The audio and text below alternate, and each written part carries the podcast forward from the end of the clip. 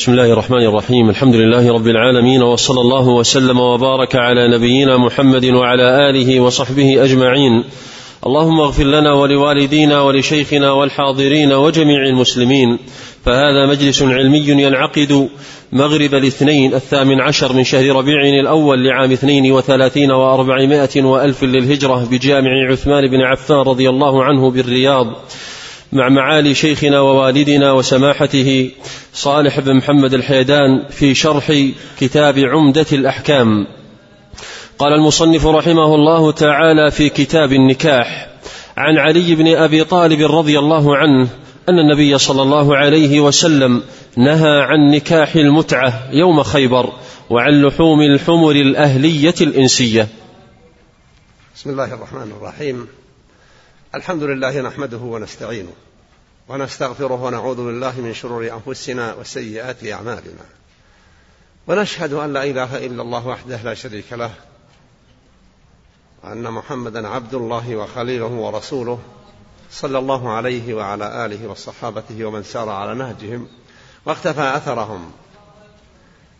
نحمد الله جل وعلا على ما يسر من عود اللقاء ونسأله بأسمائه أن يكون اللقاء مباركا. وأن يصلح حالنا وحال المسلمين. وأن يكبت الفتن ودعاء الفتن ودعاتها.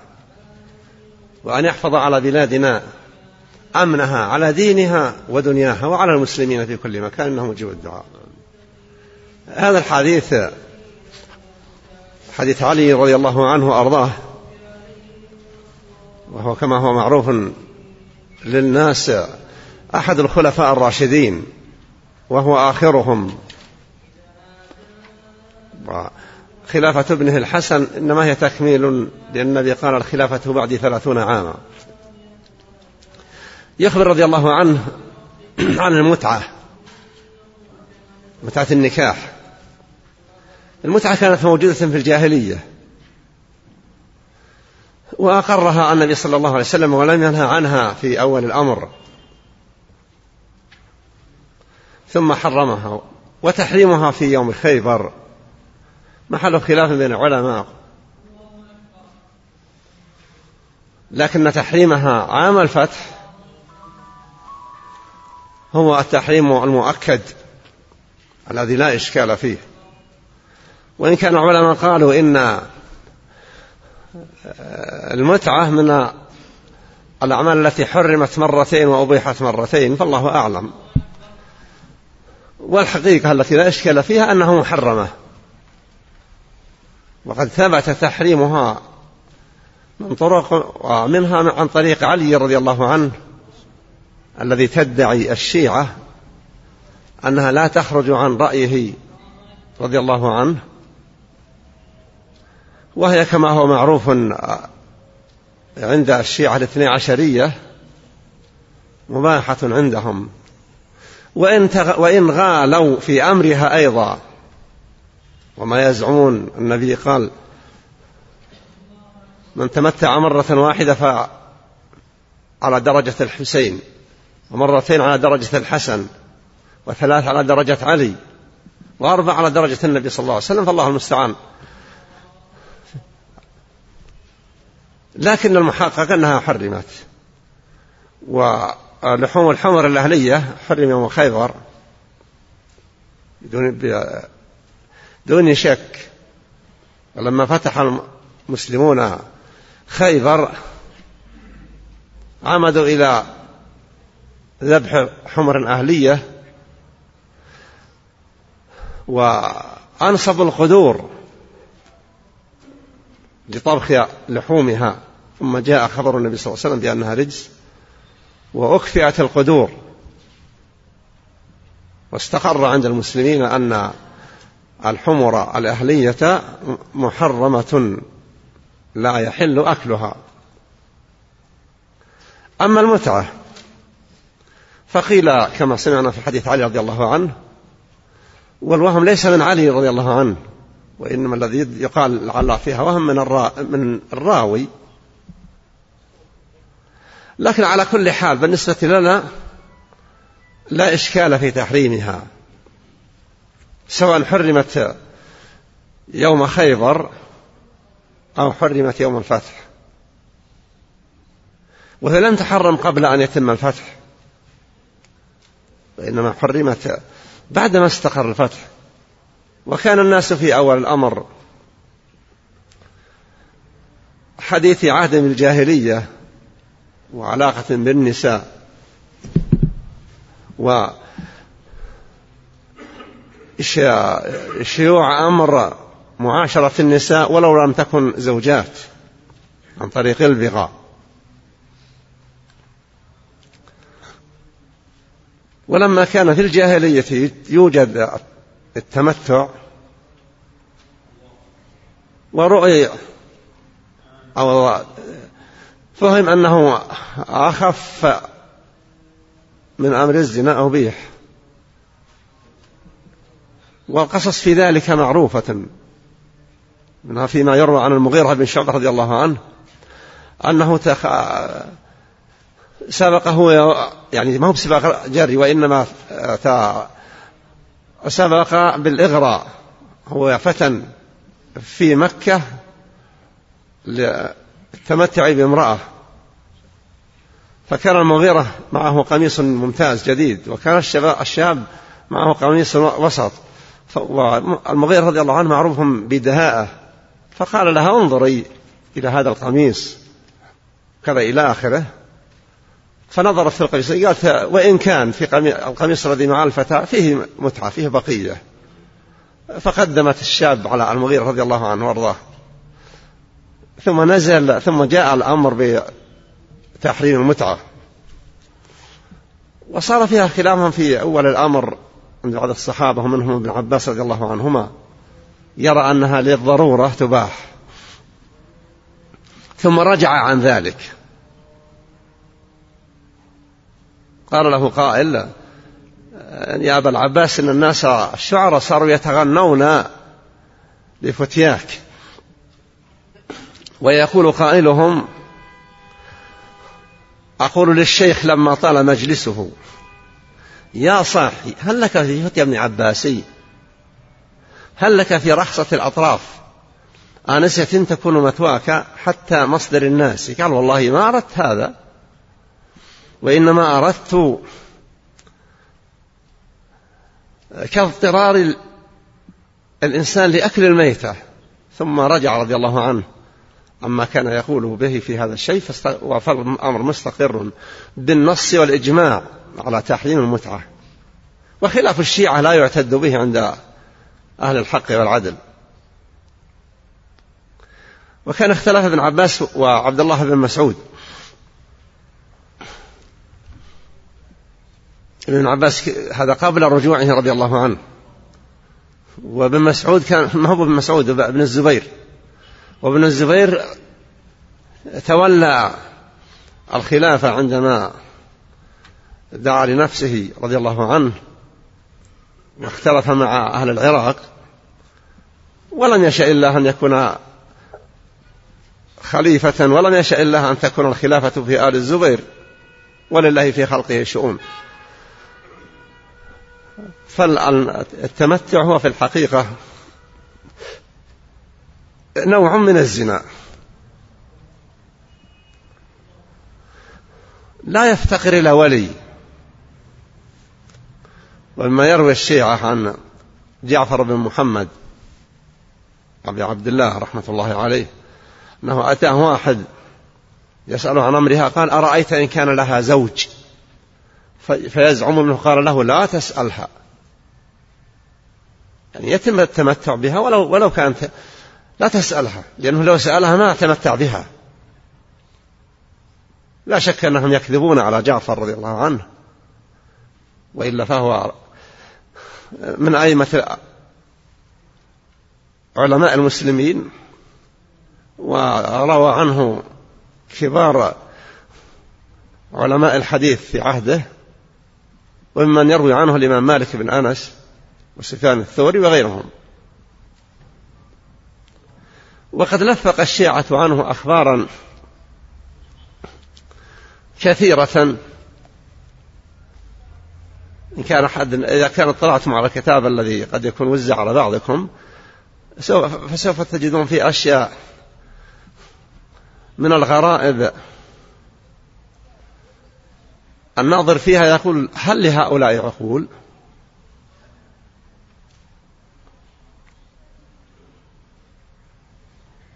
فالمستقر والله الحمد عند أهل الحق والهدى أن المتعة حرام وأنه لا عذر لمن يتمتع من ويعتبر زانيا إن كان بكرا يقام عليه حد زنا البكر وإن كان ثيبا يقام عليه حد زنا الثيب. والله المستعان. وعن لحوم الحمر الأهلية الإنسان اللحوم الحمر الأهلية. أشرت إلى أنه لما فتحت خيبر وكانت حاضرة دار حضر دار يهود والحمر فيها كما هو معروف في الغالب أن الحمر هي وسيلة النقل عند أهل القرى لحاجاتهم ومحاصيل زراعتهم وفواكههم وإلى غير ذلك. فلما فتح المسلمون خيبر رأوا أن هذه غنائم وهم يعلمون أن الحمر الوحشية مباحة لم يأتي بتحريمها شيء. وفيما يبدو أنهم أيضا لم يتعدوا على هذه الحمر إلا لأنها كانت مما يؤكل في الجاهلية. وفيه حديث أن شخص قال سأل النبي وقال ليس عندي إلا أطعم من السمان حمري. قال أطعمه من سمان حمرك. لكن الحديث هذا فيه ما فيه. فهي أيضا محرمة رجس لا يحل منها إلا ما يحل من الموتة الميتة للمضطر. واستقر ذلك في العالم الإسلامي. نعم. أحسن الله إليكم. وعن أبي هريرة رضي الله عنه أن رسول الله صلى الله عليه وسلم قال لا تنكح الأيم حتى تستأمر ولا تنكح البكر حتى تستأذن قالوا يا رسول الله وكيف إذنها؟ قال أن تسكت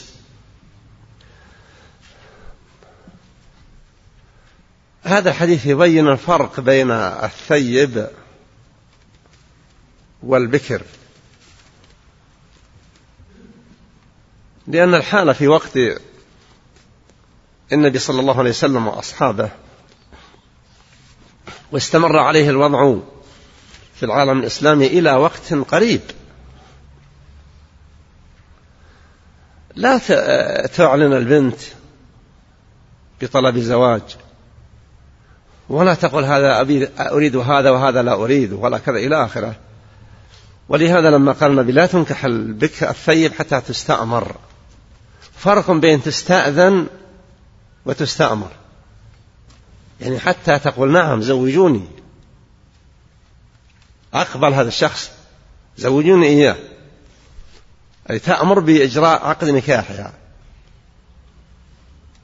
وأما الثي البكر حتى تستأذن. وبين الصحابة رضي الله عنهم ما يتوقعونه من الثيب من البكر. قالوا إنها تستحي يا رسول الله. قال إذنها سكوتها أو صموتها صماتها. يعني إذا قيل للبنت فلان يخطبك ونريد أن نزوجك به. إذا كانت لا تريد لا تستحي أن تقول لا. وهذا معروف حتى في وقت في, في كل وقت. وإذا كانت تريده لكن لا تحب أن تقول نعم أريد. تسكت. فسكوتها يعتبر إقرارا لهذا الطلب بالموافقة. وإذا زوجت البكر دون استئذان فإنها تملك رفض النكاح ولا يتم ذلك العقد إلا إن أجازته. وفي قصة أن امرأة والحديث ليس في الصحيح لكنه حديث صحيح. أن فتاة زوجها أبوها ابن أخيه فلم تقبله. ورفضت وأتت النبي صلى الله عليه وسلم وقالت إن أبي زوجني ابن أخيه ليرفع به خسيسته. هي لا تقصد أنه خسيس يعني فاجر لكنه ليس من الأشخاص الذي تطمع النساء تفرح بالزواج بهم. قد لا يكون وسيما وقد لا يكون وسيما ولا قوي البنية إلى غير ذلك. وقد يكون كبير السن بالنسبة لها. فرد قال النبي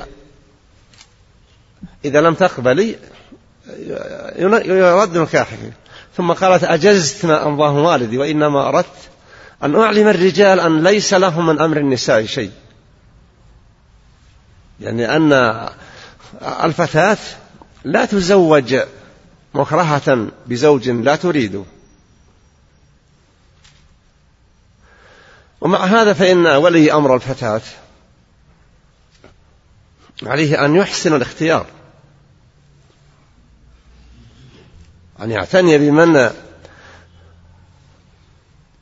يتوقع أنه أهل للزواج بهذه بابنته أو موليته. ويتوقع أنه يمكن أن يؤمن لها حياة زوجية حسنة. وكما يطلب من الأوصاف في الزوج في الزوجة أيضا يطلب في الزوج. النبي لما ذكر ما تنكح لأجله المرأة تنكح المرأة لأربع لمالها وجمالها وحسبها ودينها. ثم قال فاظفر بذات الدين تربت يداك. الرجل كذلك. تقبله المرأة لماله لحسبه وجاهه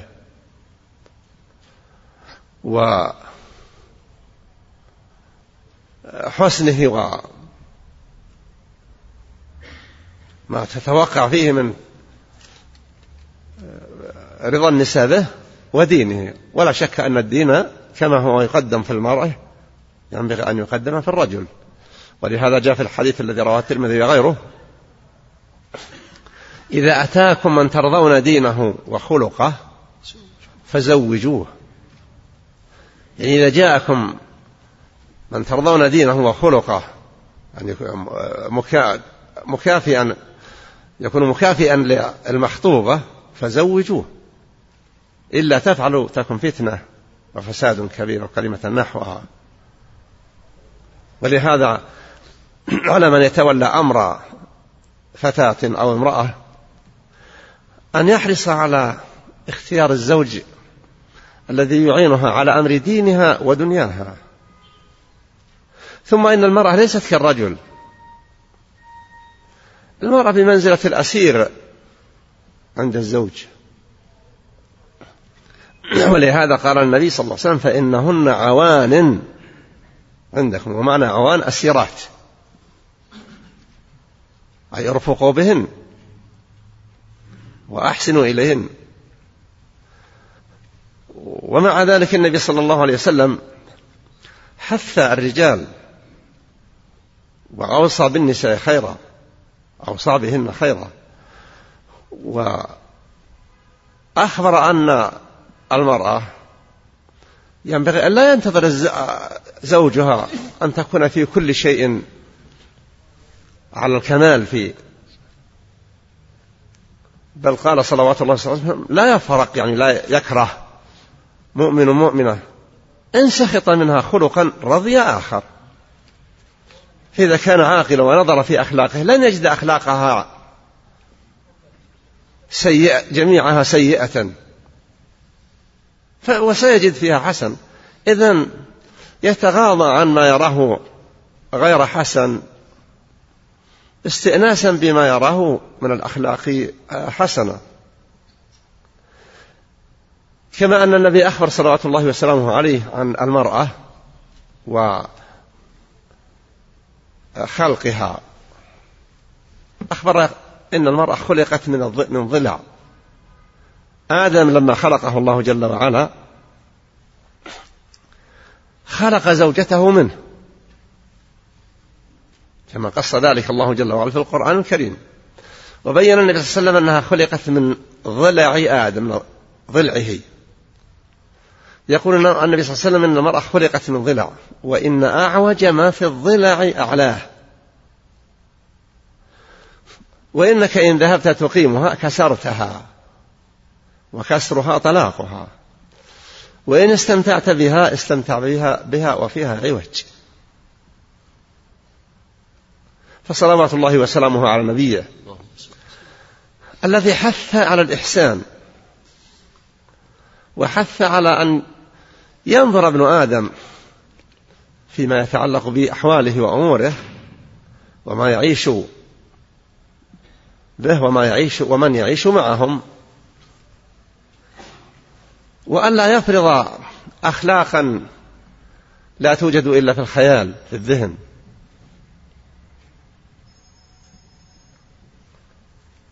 كما أن النبي صلى الله عليه وسلم أرشد الشخص إذا غاضب امرأته أو غضب غيره أن يبادر إلى الأخذ بالأسباب المسكنة للغضب.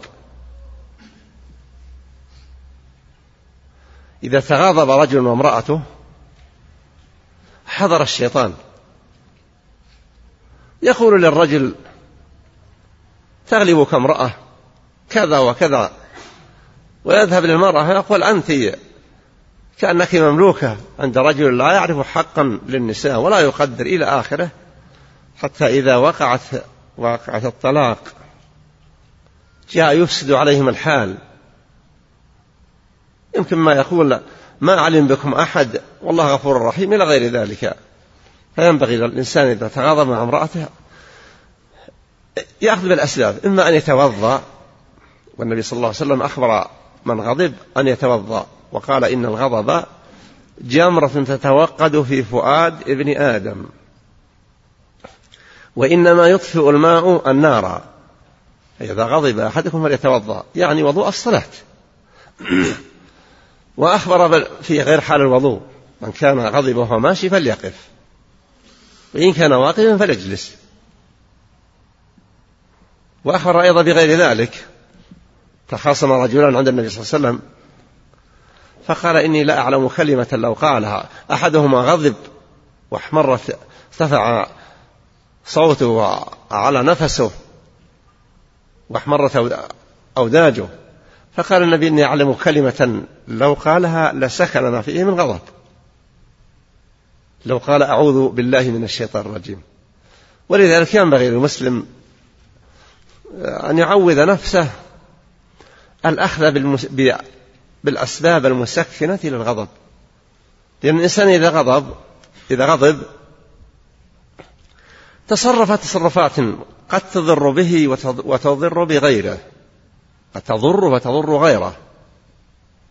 وقد لا تضر غيره لكن تضره هو. حتى لو كان عازما على الطلاق لا يبادر به. يرجى ليستخير الله جل وعلا ويفكر بالعواقب ويفكر بما يقال عنه. وإن كان له ذرية يفكر بأمرهم. وإذا كان أهل الزوجة أكرموه بالموافقة على تزويجه فليعرف إحسانهم وليحترم ما واجهوه به إلى غير ذلك. ثم إذا رأى عزيمة يستخير الله جل وعلا. ولن يندم من يستخير الله جل وعلا. نعم. أحسن الله منكم. وعن عائشة رضي الله عنها قالت جاءت امرأة رفاعة القرضي رضي الله عنه وعنها إلى النبي صلى الله عليه وسلم فقالت كنت عند رفاعة القرضي فطلقني فبت طلاقي فتزوجت بعده عبد الرحمن بن الزبير رضي الله عنه. الزبير. و... الزبير. الزبير. أحسن الله إليك. فتزوجت بعده عبد الرحمن بن الزبير وإنما رضي الله عنه وإنما معه مثل هدبة الثوب. فتبسم رسول الله صلى الله عليه وسلم وقال أتريدين أن ترجعي إلى رفاعة؟ لا حتى تذوقي عسيلته ويذوق عسيلتك. قالت وأبو بكر عنده وخالد بن سعيد بالباب ينتظر أن يؤذن له فنادى يا أبا بكر ألا تسمع إلى هذه ما تجهر به عند رسول الله صلى الله عليه وسلم؟ هذه المرأة كان زوجها رفاعة رضي الله عنه. ممن ترضاه النساء في صحته وقوته إلى غير ذلك. وطلقها ويبدو أنه طلقها آخر تطليقات ثلاث. فتزوجها عبد الرحمن بن الزبير فتح الزاي. وأيضا عبد الرحمن هذا ليس من قريش.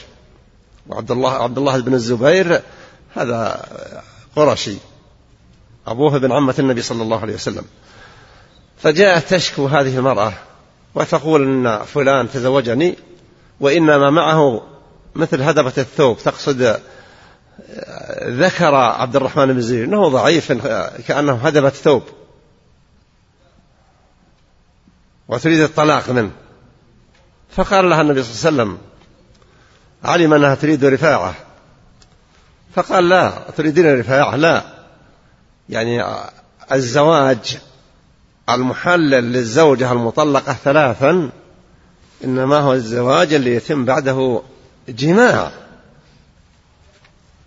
فإذا طلقت امرأة الطلقة الثالثة فهي لا تحل لمطلقها إلا بعد الزواج.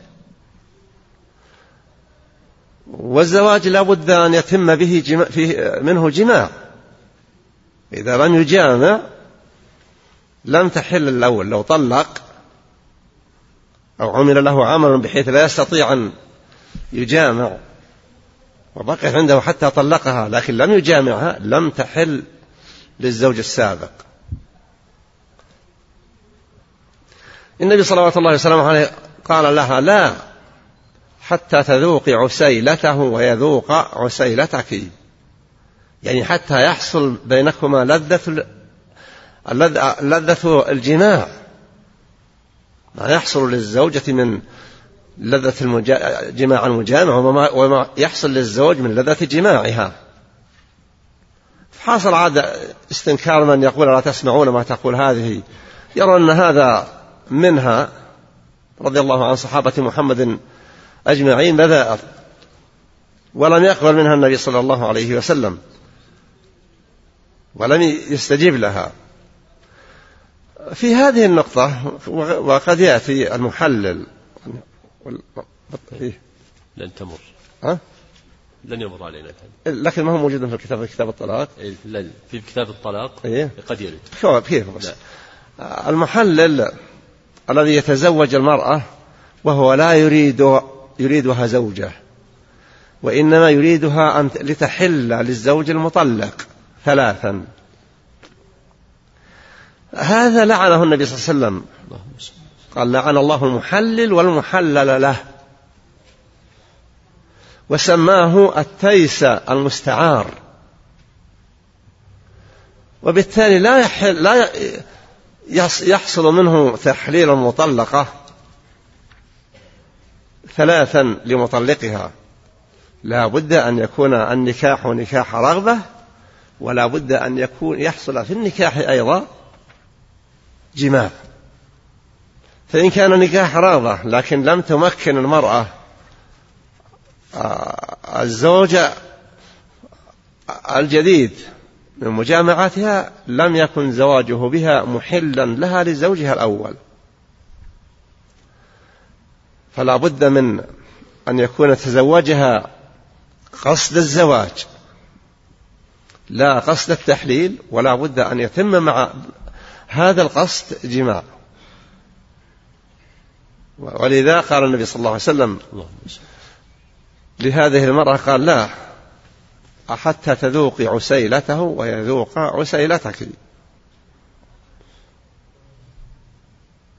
كان صلوات الله وسلامه عليه بما يحصل من لذة المتجامعين من لذة مستطعم العسل. أحسن الله إليكم. وعن أنس بن مالك رضي الله عنه قال من السنة إذا تزوج البكر على الثيب أقام عندها سبعا. البكر. إذا تزوج البكر على الثيب أحسن الله إليك إذا تزوج البكر على الثيب أقام عندها سبعة وقسم. وإذا تزوج الثيب أقام عندها ثلاثة ثم قسم. قال أبو قلابة ولو شئت لقلت إن أنسا رفعه إلى النبي صلى الله عليه وسلم. هذه السنة الزواج في حال التعدد. سنة النبي صلى الله عليه وسلم وبينها لما تزوج أم سلمة. كان معروف أو كان الأمر معروفا لديهم أن المتزوج يمكث عند زوجته التي تزوجها سبعة أيام بلياليها. لما مكث النبي صلى الله عليه وسلم ثلاثا وهم بأن يفارق أمسكت الثياب فقال لها صلى الله عليه وسلم أما إنه ليس بك هوان على أهلك. إن شئت سبعت لك وسبعت لنسائي. وإن شئت يعني اكتفيت بالثلاثة ويتم القسم على هذه الطريقة قالت لا بل أكتفي بالثلاثة.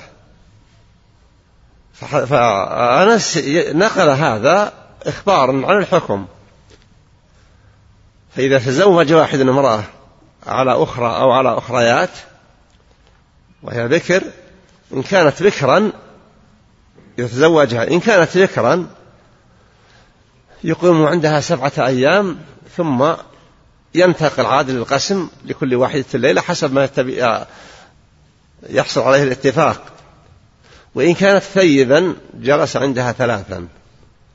ثم ينتقل منها إلى الأخريات لكل واحدة الليلة.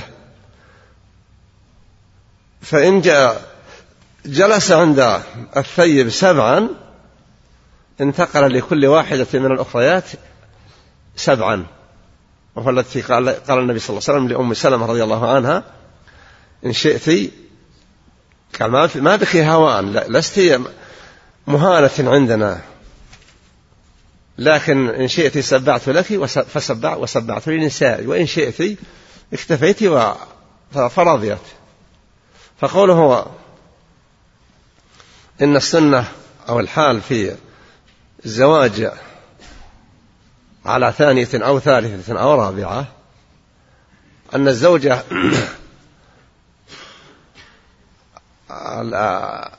الأخيرة بعد الأولى أو الثالثة بعد الثنتين أو الرابعة بعد الثلاث. إذا كانت ذكرا يجلس عندها سبعة أيام ثم ينتقل للأخريات كل واحد في الليلة حتى يصل إلى هذه ويبقى يبقى عندها ليلة.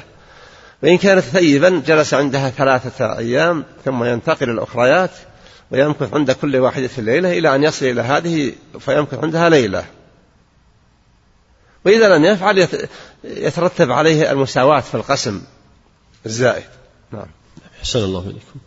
وعن ابن عباس رضي الله عنهما قال قال رسول الله صلى الله عليه وسلم لو أن أحدكم إذا أراد أن يأتي أهله قال بسم الله. اللهم جنبنا الشيطان وجنب الشيطان ما رزقتنا فإنه إن يقدر بينهما ولد في ذلك لم يضره الشيطان أبدا.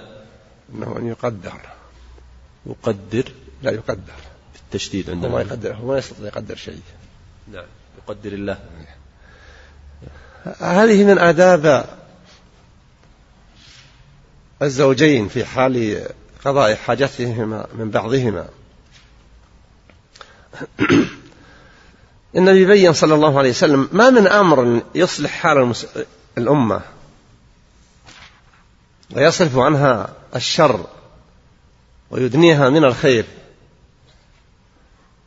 ويحقق لها سعادة الدنيا وأخرى إلا وبينه النبي صلوات الله وسلامه عليه. في هذا الحديث يبين النبي صلى الله عليه وسلم أن الرجل لو أنه إذا جاء ليجامع امرأته وليس معناه يسمي إذا دخل الغرفة لا. يسمي عند إرادة الوقاع. تهيأ. إذا سمى إن قدر الله جل وعلا بي من هذا الجماع ولدا لم يقربه الشيطان.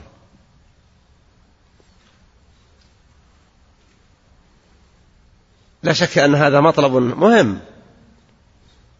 أي إنسان يجامع رغبة في الحمل ينبغي أن يحرص على ذلك بل يحرص عليه من يجامع على أي حال تكون.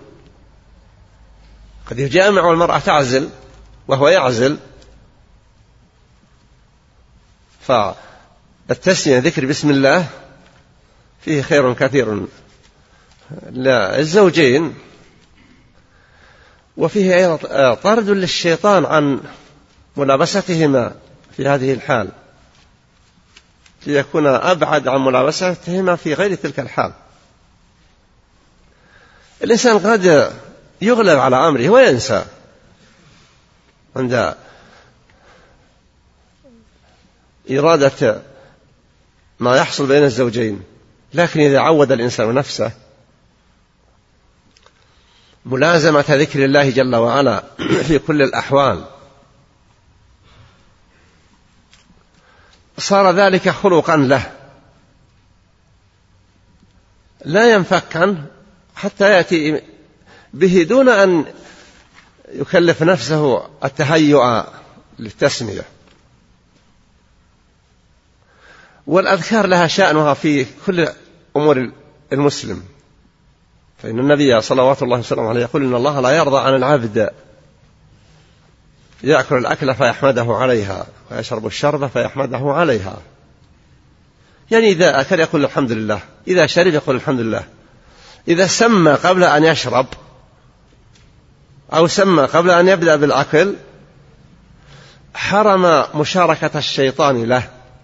كما في حديث إذا دخل الإنسان منزلة وسمى المسلم قال الشيطان لجنده حرمتم السكن.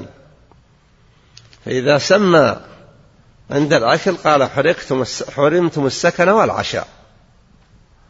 فحسن بالإنسان أن يعود نفسه في كثير كل أموره. أن يبدأ بالتسمية بسم الله وينتهي بالحمد لله بالحمد لله. أذكار عظيمة ومؤثرة في حياة الإنسان ويكفي أن الحمد لله تملأ الميزان كما في الحديث الصحيح نعم. أحسن الله إليكم. وعن عقبة بن عامر رضي الله عنه أن رسول الله صلى الله عليه وسلم قال إياكم والدخول على النساء. فقال رجل من الأنصار يا رسول الله أفرأيت الحم؟ قال الحم الموت ولمسلم عن أبي الطاهر عن ابن وهب قال سمعت الليث يقول الحم أخو الزوج وما أشبهه من أقارب من أقارب الزوج ابن العم ونحوه. الله المستعان النبي صلى الله عليه وسلم يقول ما خلا رجل بامرأة يعني أجنبية منه؟ إلا كان الشيطان ثالثهما. إذا كان الشيطان ثالث المجتمعين ما الظن بهذا الشيطان؟ ماذا يصنع؟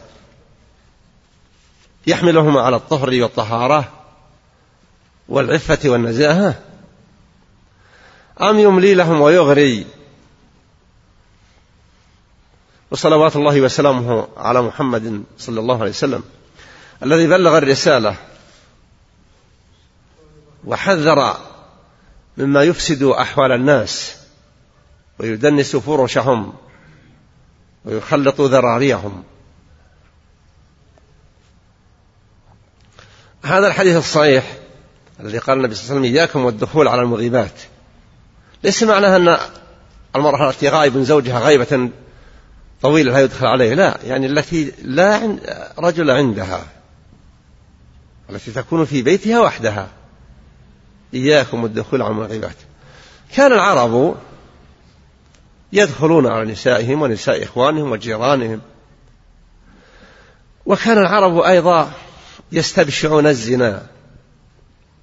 ولهذا لما تلا النبي صلى الله عليه وسلم بيعة النساء وقال ولا يزنين؟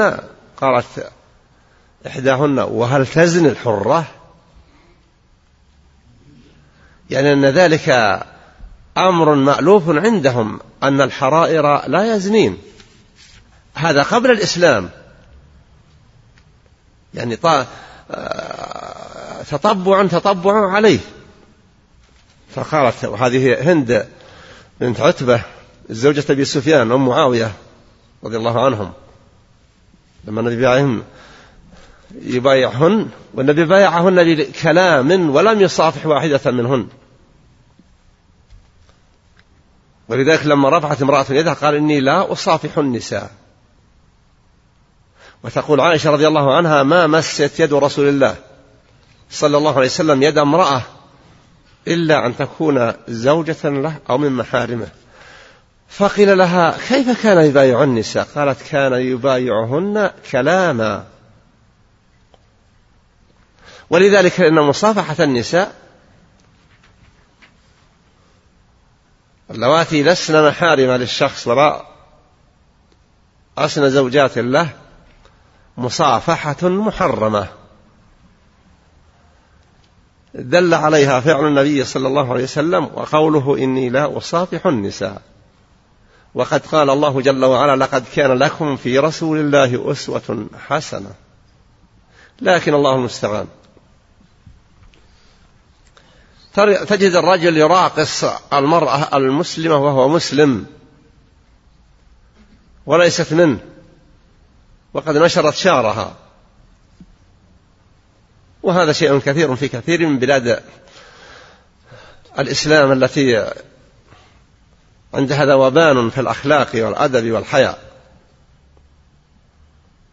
نسأل الله جل وعلا أن يحمي بلادنا وبلاد المسلمين المحافظين على مكارم الأخلاق وأن يهدي من ضل عن الطريق.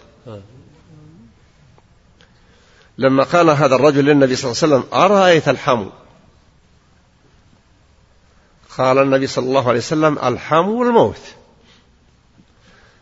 أي أن القريب لا تكثر الظنون فيه. ولا يستنكر الناس إذا رأوا هذا الرجل يدخل في هذا البيت وصاحب البيت غير موجود إذا كان الداخل أخا لرب المنزل أو ابنا لأخيه أو كان ابن أخت الرجل وغير ذلك من القرابات. فضلا عمن كانوا وراء ذلك.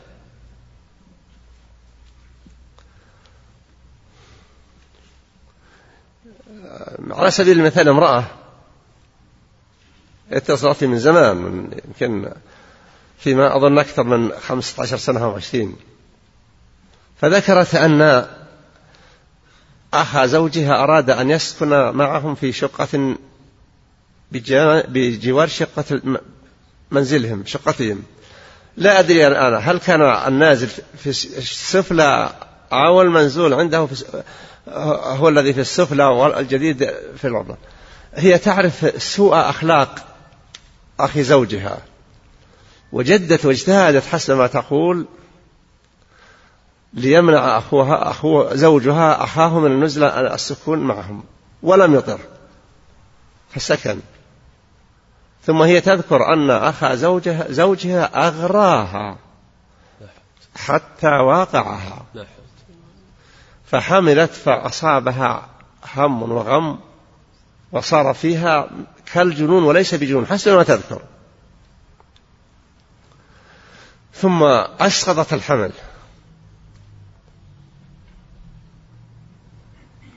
سألتها أنا قلت كيف علمت أنه من هذا الزوج الحمل؟ قالت إني أعرف وزوجي لا يعرف عن نفسه كما أعرف أنا. زوجي صار في حال لا يحمل منه يعني طرأ عليه أمر صارت لا تحمل منه فقصدي إن هذا المثال دل عليه قول المصطفى صلى الله عليه وسلم الحم والموت. فالحم هو قريب الزوج. سواء كان ابنا لأخيه أو ابن ابن أخيه أو ابن عمه أو ابن خاله قراباته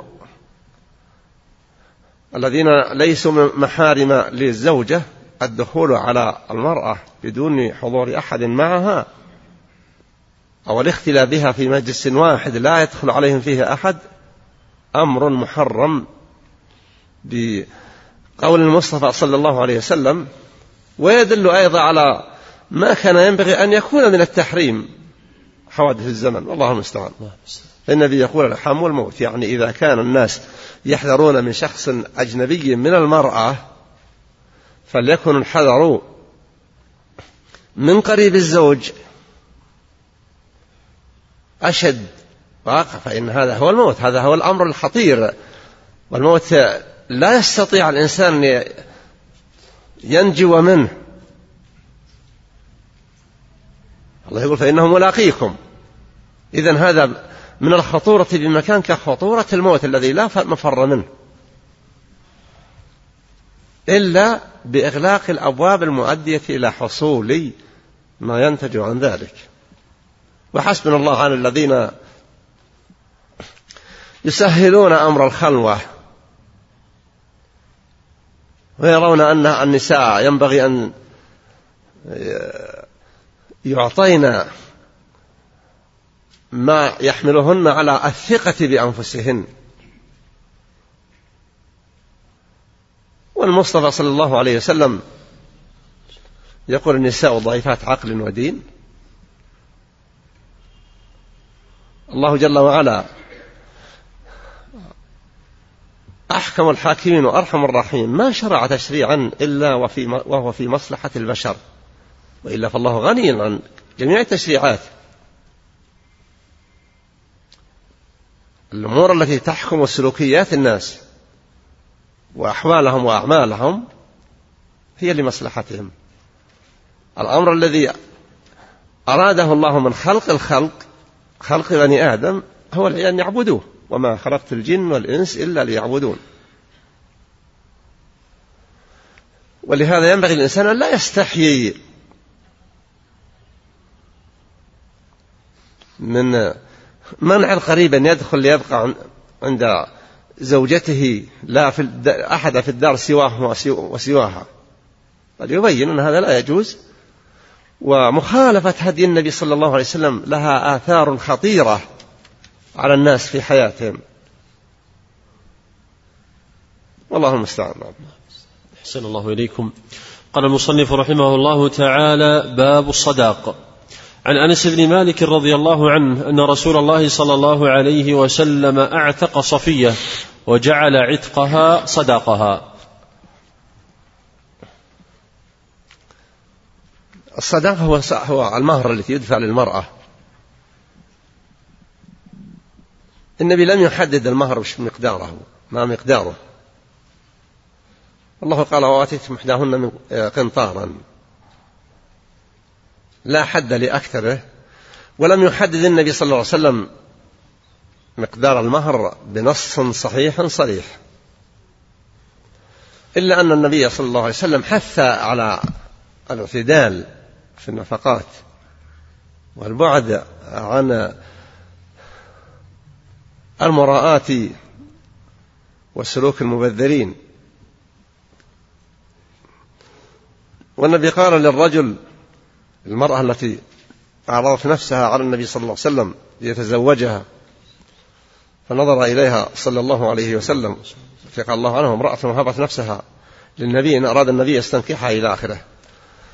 لما عدل ما رغب صلى الله عليه وسلم قام رجل وقال يا رسول الله إن كنت لا تريدها فزوجنيها. فقال له النبي صلى الله عليه وسلم ماذا تمهرها؟ ما عندك. ذكر أنه لا شيء عنده. قال أعطيها رداء. قال إذا أعطيتها رداءك تبقى بلا رداء. إلى آخره. ثم قال التمس. فالتمس ولا وجد فقال التمس ولو خاتما من حديد. فالتمس ولم يجد شيئا. فقال ما معك من القرآن؟ فقال معي سورة كذا وسورة كذا.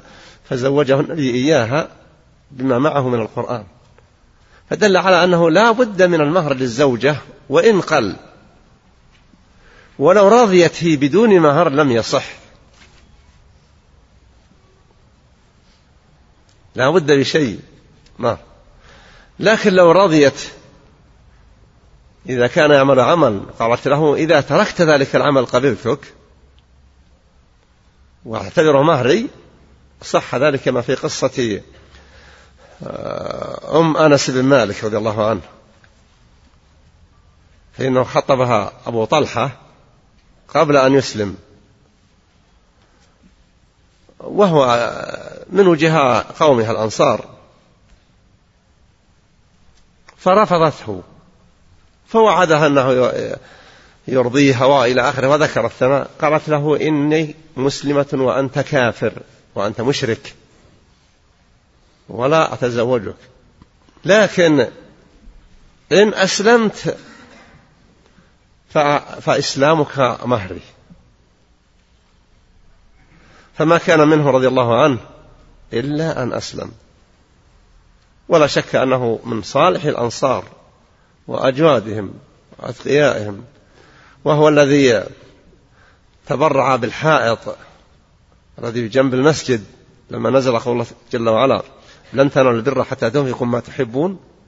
جاء إلى رسول الله صلى الله عليه وسلم وقال إن الله يقول كذا وكذا وإن أحب أموالي إلي بيرها وإني أجعلها صدقة فضعها يا رسول الله حيث شئت. فقال صلى الله عليه وسلم ذاك مال الرابح إلى آخر الحديث. فقصدي أنه لا بد من المهر قل أو كثر.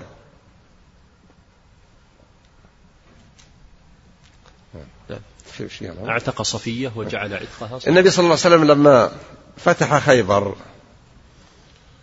كان وعد دحية الكلبي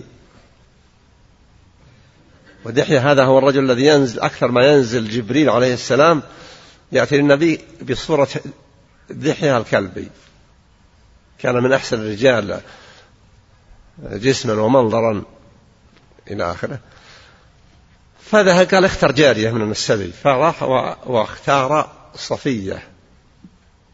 وهي بنت حيي بن أخطب سيد اليهود.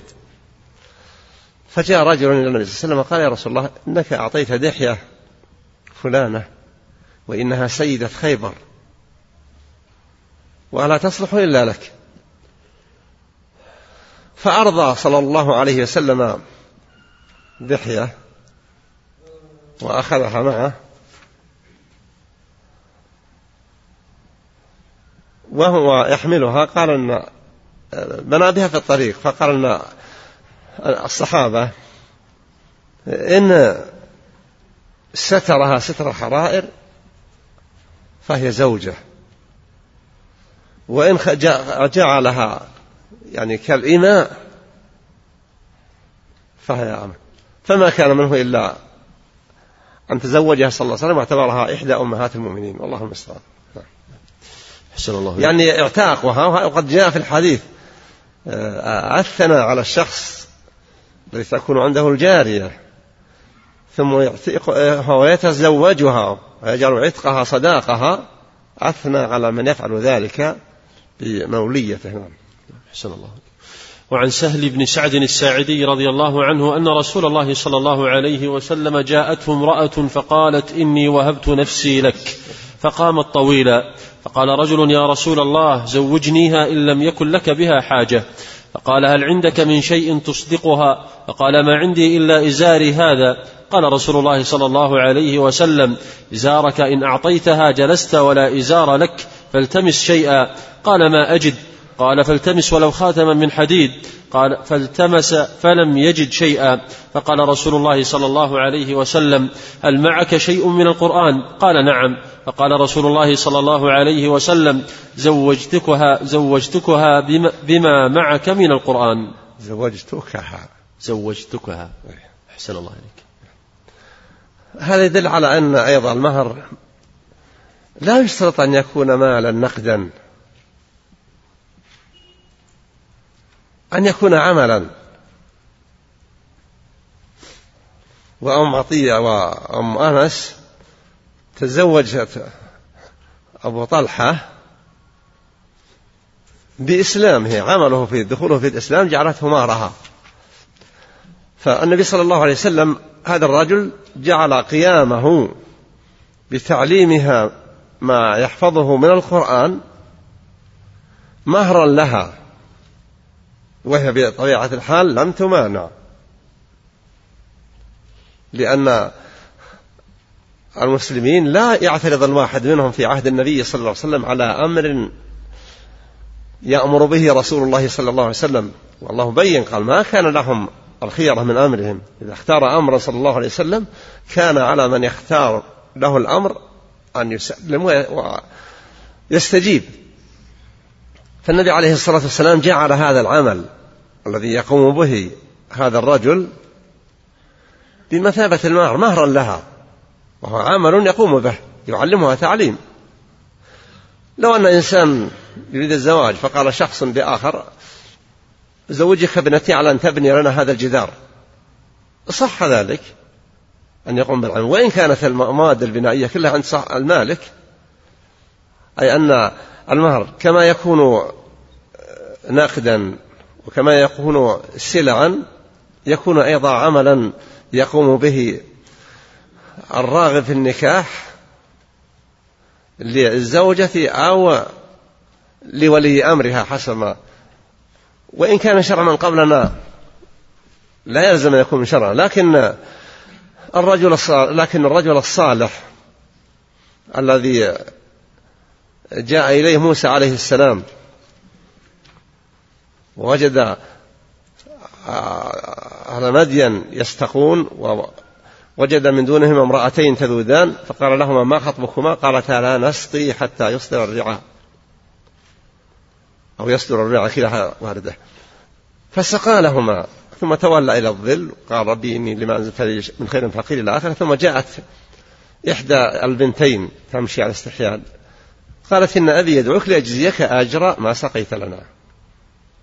قام معها يبي يريد أن يأخذ هذا الأجر ولا يدري ما هو. جاء إلى الشيخ الكبير والد البنتين وبعض المفسرين يسميه أنه شعيب لكن الصحيح ليس هو ليس النبي. ولذكر بعض العلماء في كتبهم في التفسير أنه نبي أنه نبي الله شعيب لكنه الصحيح أنه لم يكن كذلك. ذكر ذلك الشيخ الإسلام ابن تيمية وابن كثير وغيرهم أنه ليس كذلك. لما جاء إلى هذا الشيخ ولم يذكر اسمه في الرواية. لما قص قصصه عليه وما كان يلاقيه قال له الرجل الشيخ الكبير هذا لا تخف نجوت من نجوت من القوم الكافرين. قالت المرأة إحدى البنتين لأبيها يا أبا تستأجر يتولى رعي الغنم إن خير من استأجرت القوي الأمين. القوة هو أزاح الحجر الذي على فم العين حتى شربت أغنام المرأتين. والأمانة لما أراد أن يرجع وهي أمامه لتدله على الطريق أنه كانت الريح تكفكف ثوبها. فأمرها أن تمشي خلفه وتنعت له الطريق.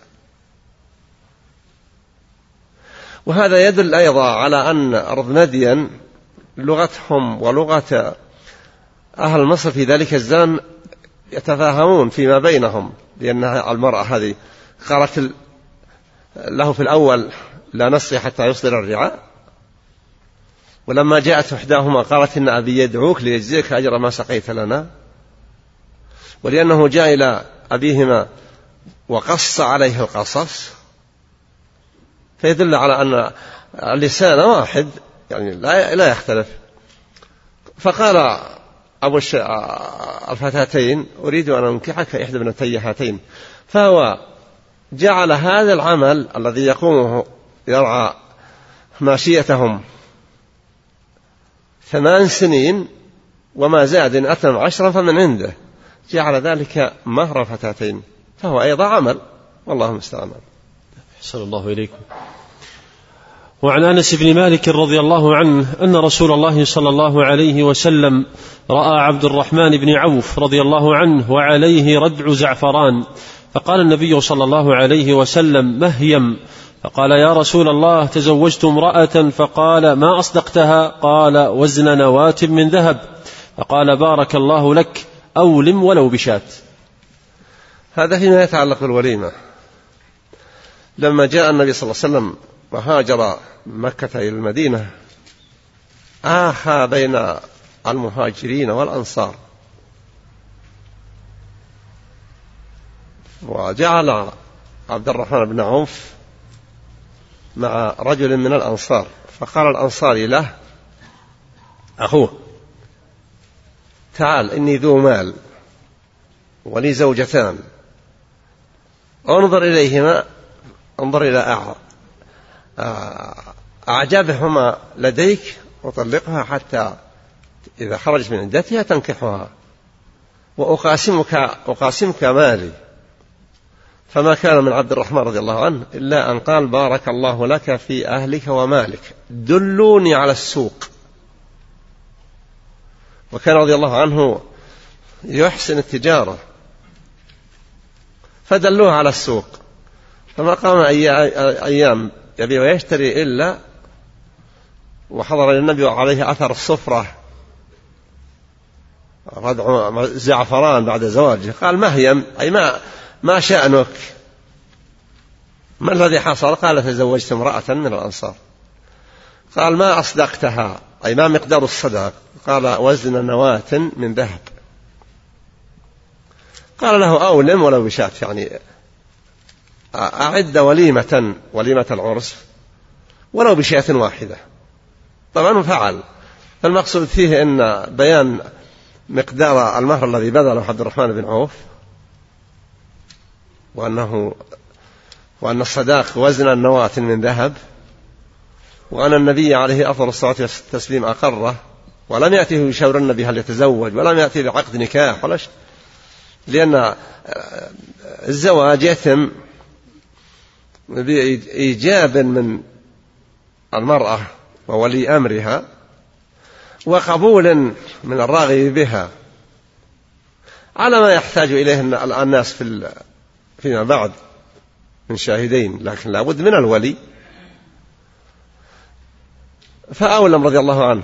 عبد الرحمن بن عوف رضي الله عنه ممن اتسع ثراءهم في المدينة. ولذلك قال عمر رضي الله عنه لخادمه يرفع الذي تولى الحمى. عمر يبي الحمى مرعا لإبل الصدقة ورواحلهم في الدولة لكنه قال ليرفع أدخل رب الغنيمة. الغنيمة جملة الغنم التي ليست بكثيرة. والصريمة الإبل التي لا تتجاوز العشرة؟ أدخل رب الغنيمة والصريمة فإنهم يرونها أرضهم في الجاهلية أسلموا عليها في الإسلام. وإياي يقول احذر وإياي ونعم ابن عوف وابن عفان. يعني كبار الصحابة وكبار أثريائهم يقول هؤلاء لا تدخل مواشيتهم للحمى فإنها إن تهلك ماشيتهم يرجعون إلى تجارتهم وحرثهم إلى آخرة. وأما رب الصريمة إن تهلك ماشيته يأتي يقول يا عمر ما عندي ما بقي عندي شيء إلى آخرة. ف أردت أن أذكر هذا إشارة إلى فيما يتعلق بعبد الرحمن بن عوف رضي الله عنه وأرضاه. لعلنا نبدأ الاستراحات نقف له. إيه. وش وقفنا عليه؟ كتاب الطلاق الآن. ها؟ الآن وقفنا على كتاب الطلاق. كتاب الطلاق. لا. ماشي خلاص. أحسن الله عليك. استاذنك أحسن الله إليك في عرض الأسئلة. ما يخالف. أحسن الله إليكم. هذا يسأل يقول فضيلة الشيخ ما حجة أهل مكة الذين رأوا بحل المتعة وخاصة أهل العلم والحديث كابن جريج وغيرهم رغم أنهم محدثون كبار حتى نقل عن بعضهم أنه تزوج سبعين امرأة متعة؟ لا شك أن المشرع أن المبلغ عن الله إنما هو محمد صلى الله عليه وسلم. وقد ثبت عنه التحريم.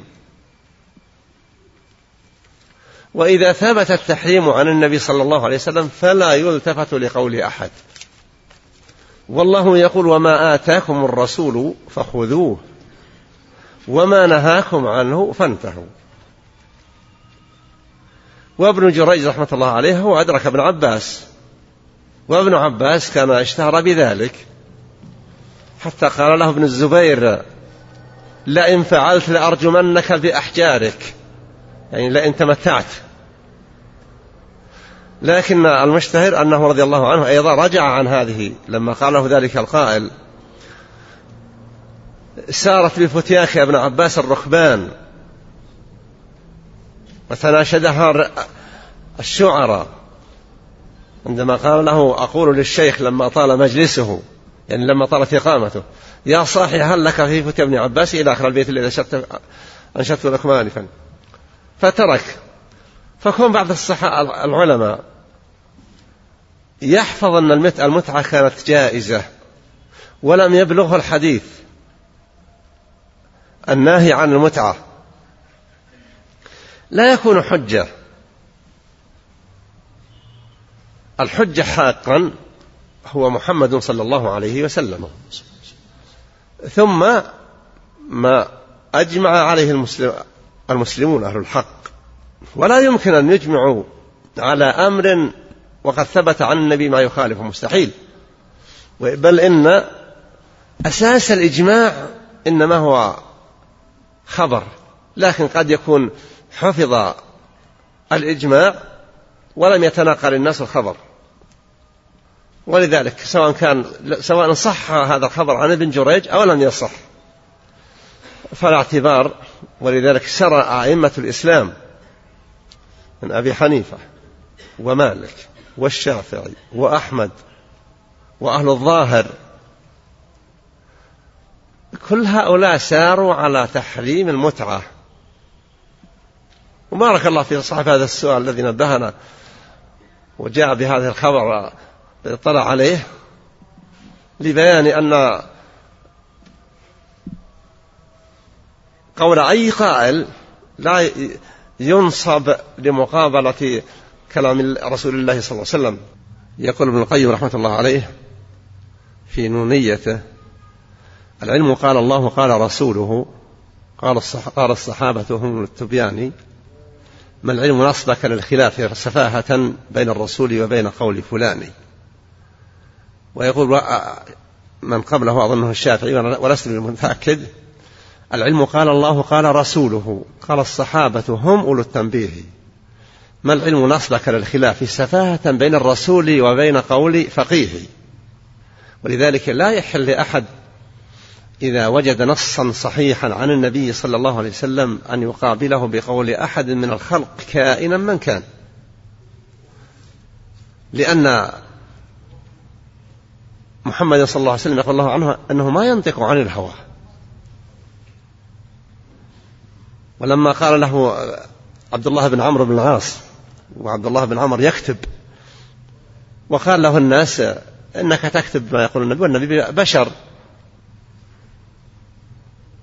قد يقول كلمة لا يحب أنها تكتب فجاء عبد الله بن عمرو إلى النبي صلى الله عليه وسلم وقال الأمر هكذا. قال اكتب فوالذي نفسي بيده ما يخرج من هذا إلا حق. فمعناه أنها مهما قال في مسائل كثيرة توجد يقول بعض أهل العلم خلاف ما ثبت عن رسول الله. لا لأنهم يتعمدون مخالفة رسول الله لكن لم تبلغهم بعض الأحاديث. النبي صلى الله عليه وسلم مات في أوائل السنة الحادية عشر من الهجرة وكثير من الصحابة عند موتهم منتشرون في الآفاق وأبو بكر وهو من ألصق الناس به. لما تجي بعض المسائل يسأل هل عند الناس خبر في شيء؟ وعمر يسأل. الأحاديث ما حفظت وجمعت حتى لا يشد منها شيء إلا بعد أن انتهت المئة الأولى من الهجرة. والله المستعان. نعم. حسن الله إليكم. هذا يسأل يقول بالنسبة للحمر الوحشية هل هو المراد به الذي لا يملكه أحد ويهرب عند طرده؟ فهل هذا يعد وحشي ويجوز أكله؟ كيف السؤال الحمار الذي لا يملكه أحد. خل اقرأ اقرأ السؤال اللي عندك. يقول إذا كان الحمار لا يملكه أحد ويهرب عند طرده فهل هو وحشي وهل يجوز أكله؟ لا.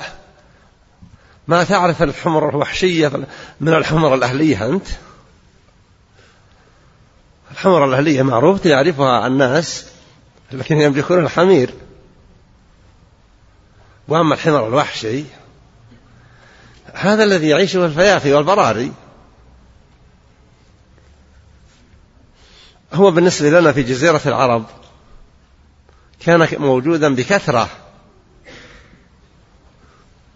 كما أن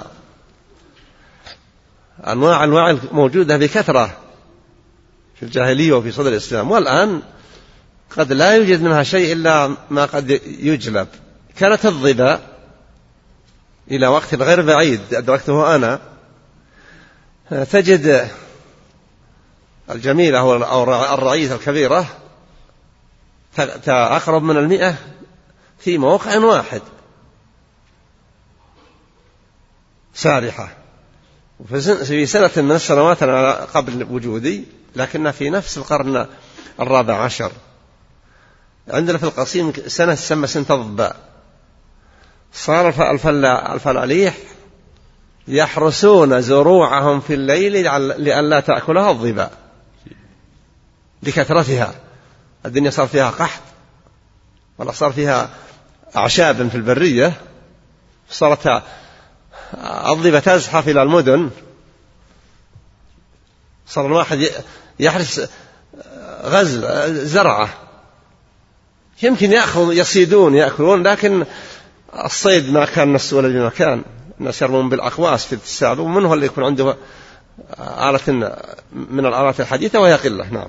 أحسن الله إليكم. يقول لو لو أن رجلا علم أن فلانا من الناس طلق زوجته ثلاثا ثم ذهب وتزوجها وهو بنيته أن يطلقها حتى تحل لزوجها الأول مع العلم أن الزوج الأول والمرأة لا يعلمون بذلك فهل يجوز ذلك؟ الفقهاء نصوا على أن يكون نكاح رغبة لكن لو فعل وتزوجها وجامعها وطلقها ولم تعلم هي ولا زوجها المطلق. صحت ترجع له إلا أنه ينبغي أن الشخص ولذلك قصة الحسن بن علي رضي الله عنه في امرأة طلقت بسبب حيلة احتيل عليها ثم خطبت لشخص في سلطة ولا تريده لكنهم يريدون إلزامها أو إكراهها. فذهبت إلى الحسن بن علي رضي الله عنه وقالت له أريد تأتي إلي وهي من قريش وليست بعيدة عنك لكنها ليست من بني هاشم فاعتذر أن يجي إليها. فأرسلت له فأرسلت له قالت إن لم يأتني إلي لآتين إليه سافرة. فخرج رضي الله عنه وأقبل أتى إليها. فلما دخل عندها وعندها الجواري أخبرته بالقصة. وما كان من مروان ومروان هو الأمير أمير المدينة والخليفة معاوية رضي الله عنهم. قال بدأ لي ألا أتزوج عامي هذا. حاولت أني بينتها العلة التي جعلتها هكذا. قالت للجواري إذا رأيتنه قد صمم على الامتناع. فأنزلنا الستار التي الذي بيني وبينه. وكانت فارعة الجمال. جميلة. وكان الحسن رضي الله عنه رجل نساء يحب النساء رضي الله عنه وأرضاه. فلما أرخي الجواري الستار اللي بينهن بينها وبين الحسن رأى ما غير رأيه عن الزواج عن الزواج إلى الزواج. قال إذا إن شئت كل الأمر إلي. ثم تزوجها فأراد مروان أن يمنع الزواج. وكتب إلى معاوية رضي الله عنه. يريد أن يمنع زواج الحسن بهذه على حسب ما كان التخطيط له. فكتب إليه معاوية ومعاوية كما هو معروف من دهاة العرب والمسلمين. فكتب إليه معاوية قبح الله رأيك. اذهب إلى الحسن وأعطيه مبلغ كذا وكذا وقل علم أمير المؤمنين بزواجك. وهذه مع... مع... إعانة لك على هذا الزواج. ورضي الله نسأل الله أن يرضى عنهم عن معاوية والحسن وإخوانهم من أصحاب النبي جميعا والتابعين الصادقين والله المستعان. أحسن الله إليكم. يسأل يقول هل ركوب المرأة لوحدها مع السائق داخل المدينة يعد خلوة؟ هو وإن لم يكن خلوة حقيقة ينبغي أن لا تركب مع سائق لا, أحد معه من امرأة أخرى من خادمة ونحوها. يعني قد ينظر الأمور ثم يكون في موقع لا يحصل فيه أنس من غيرهم. والخطر موجود والحوادث تحدث ومنها ما يحدث من هذا النوع. فعدم التساهل ولا شك أن المقصود الخلوة أن يكون الناس في موضع ستار مستور لا يرى من فيه. هذا والموقع الثاني أن يكون مثل سفر. المرأة يمكن تركب على مطيتها في القديم وتسافر ليس معها محرم مع القافلة. لكن الآن الوضع الآن تغير والشر كثر والجرأة والإغراء واتباع الهوى. إلى غير ذلك فينبغي للناس أن يكونوا في غاية الحذر. إذا كان ولا بد أن تكون المرأة بهذه السيارة أن يكون مع السائق امرأة أخرى زوجة له زوجته ونحو ذلك. نعم. حسن الله إليكم. يقول إذا نسي الإنسان التسمية قبل الجماع وتذكر أثناء الجماع هل يسمي ويذكر الدعاء؟ مع أني سمعت أنه يحرم على الإنسان أن يذكر الله أثناء الجماع وأيضا أن يذكره في حال الجنابة. فهل المنع في قراءة القرآن أم ذكر الله عموما؟ أما التسمية بعد الانتهاء لا تجزي عن شيء. لو أراد يسمي على الطعام وسمى بعد ما انتهى من الأكل ما يقال أنه سمى على طعامه وإنما يحمد الله. وأما النهي عن القراءة فلا شك الجنب منهي أن يقرأ القرآن. لكنه لم ينهى عن ذكر الله جل وعلا. والقرآن لا يساوى بين الكلام الذي هو أذكار. وإن كان جملة الأذكار عندما تفرق في الجملة لوحدها قد تكون بعضها من القرآن. إذا نسي فليشعر نفسه بالندم الندم وأنه لم يتدارك الموضوع ويسأل ربه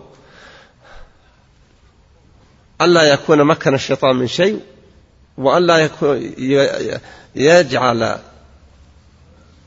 للشيطان أثر فإن أم مريم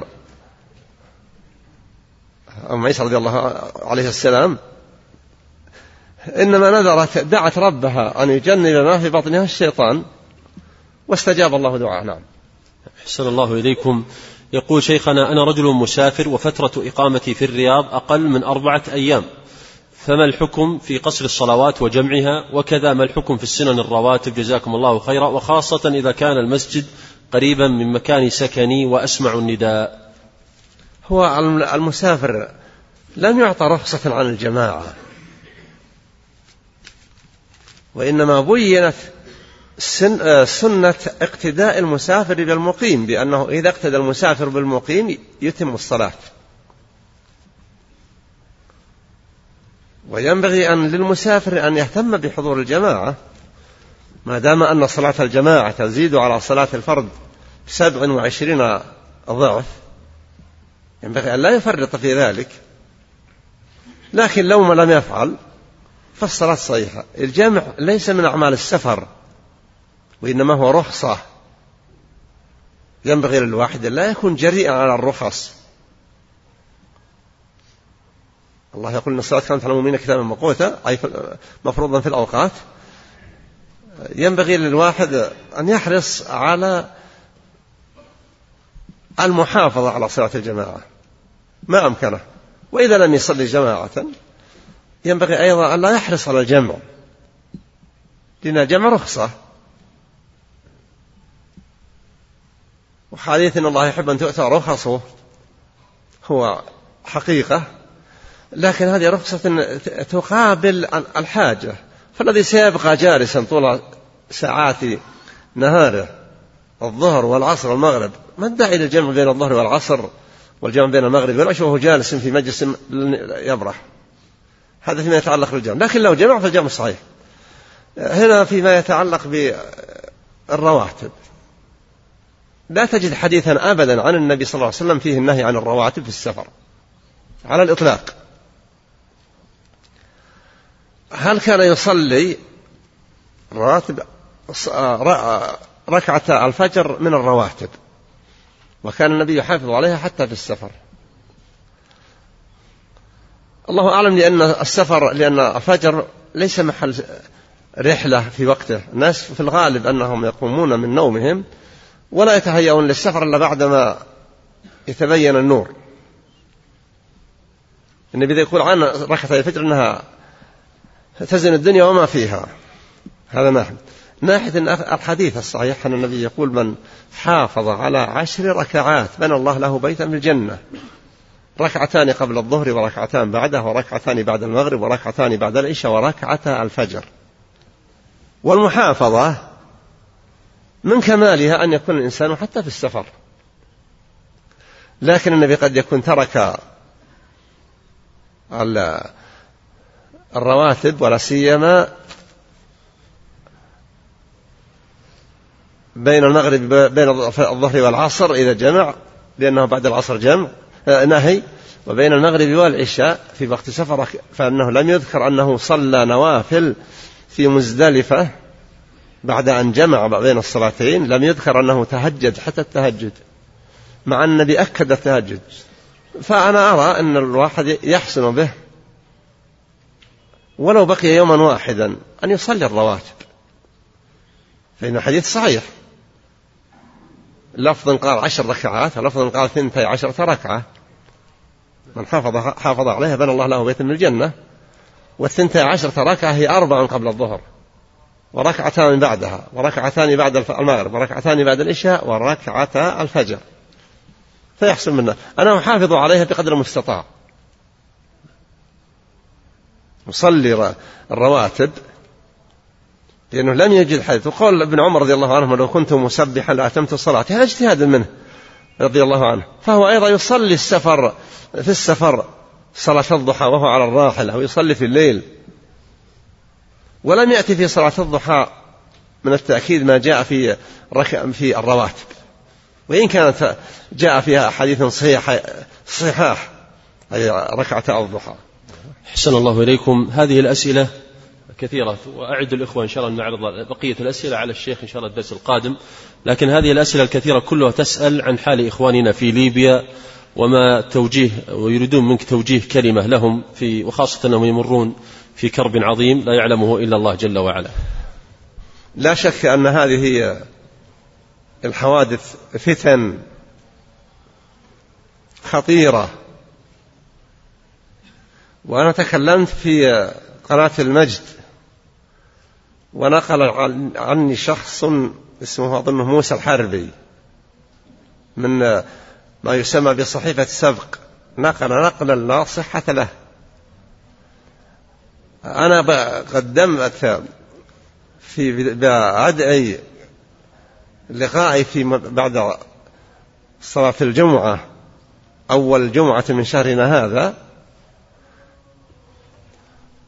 وتكلمت قبل البدء عادتي أني قبل عرض الأسئلة عليه أن أوجه نصيحة ووصية للمشاهدين والمستمعين فكانت كلمتي عن هذه المظاهرات وأنها من الفتن وأنها غير محمودة شرعا وأن أول مظاهرة في الإسلام قتل فيها عثمان بن عفان رضي الله عنه الخليفة الراشد. عندما حاصره المحاصرون. ولم يعرف عن أحد من أئمة الإسلام من الصحابة والتابعين والأئمة الأربعة أن أحد منهم يحث الناس عند الاستنكار أن يقوموا بمظاهرة ومغالبة. وذكرت شيء فيما يتعلق السمع والطاعة حتى إذا كان الوالي غير مرضين عنه من الناس ما دام لم يكفر. وذكرت أن السائل الذي يوجه الأسئلة قلب الأسئلة في يعني ما هو قلبها أخطأ يعني يأتي بوجه كذا وكذا حتى يتبين لي وللمستمعين وجوه تلك الأسئلة. وقال أنهم يقولون العلماء لا يبينوا بس يقول الناس اصبروا. قلت لا العلماء يقولون ويعملون والشريعة بينت النبي قال عمن يتولون على الناس يطلبون الحق الذي لهم ولا يعطونكم الحق الذي لكم. وقال سوف يأتون من يؤخرون الصلاة على أوقاتها إلى غير ذلك. فقالوا أفلا ننابذهم قال لا ما صلوا لا حتى تروا كفرا بواحا عندكم فيه من الله برهان. وكررت تأكيد أن هذه المظاهرات غير شرعية. لما يترتب فإذا لم يترتب عليها شيء أبدا من المفاسد من إتلاف الأموال أو سفك دماء أو ترويع إلى غيره إذا لم يحصل عليها من هذا شيء أبدا فإنه يحصل فيها تعطيل الناس عن القيام بأعمالهم وفتح متاجرهم وإشغال القيام بأعمالهم وكل ذلك لا يجوز. فإذا صار فيها سفك دماء إلى آخره فحرص السائل أن أقول شيئا عن حسني مبارك. وما تقول إلى آخره؟ قلت إذا رأى حسني مبارك أن يتخلى عن الحكم دفعا لما يخشى من من فتنة ومن قد ما قد يحدث من سفك دماء وإتلاف أموال ونهب وغير ذلك إذا رأى ذلك أرجو أن يكون في ذلك الخير. هذا الشخص اللي اسمه موسى الحربي أظنه موسى كتب في سبق أن الشيخ الحيدان اللي رئيس مجلس القضاء الأعلى سابقا وعضو هيئة كبار العلماء يطالب طالب حسني مبارك بالتخلي عن الحكم.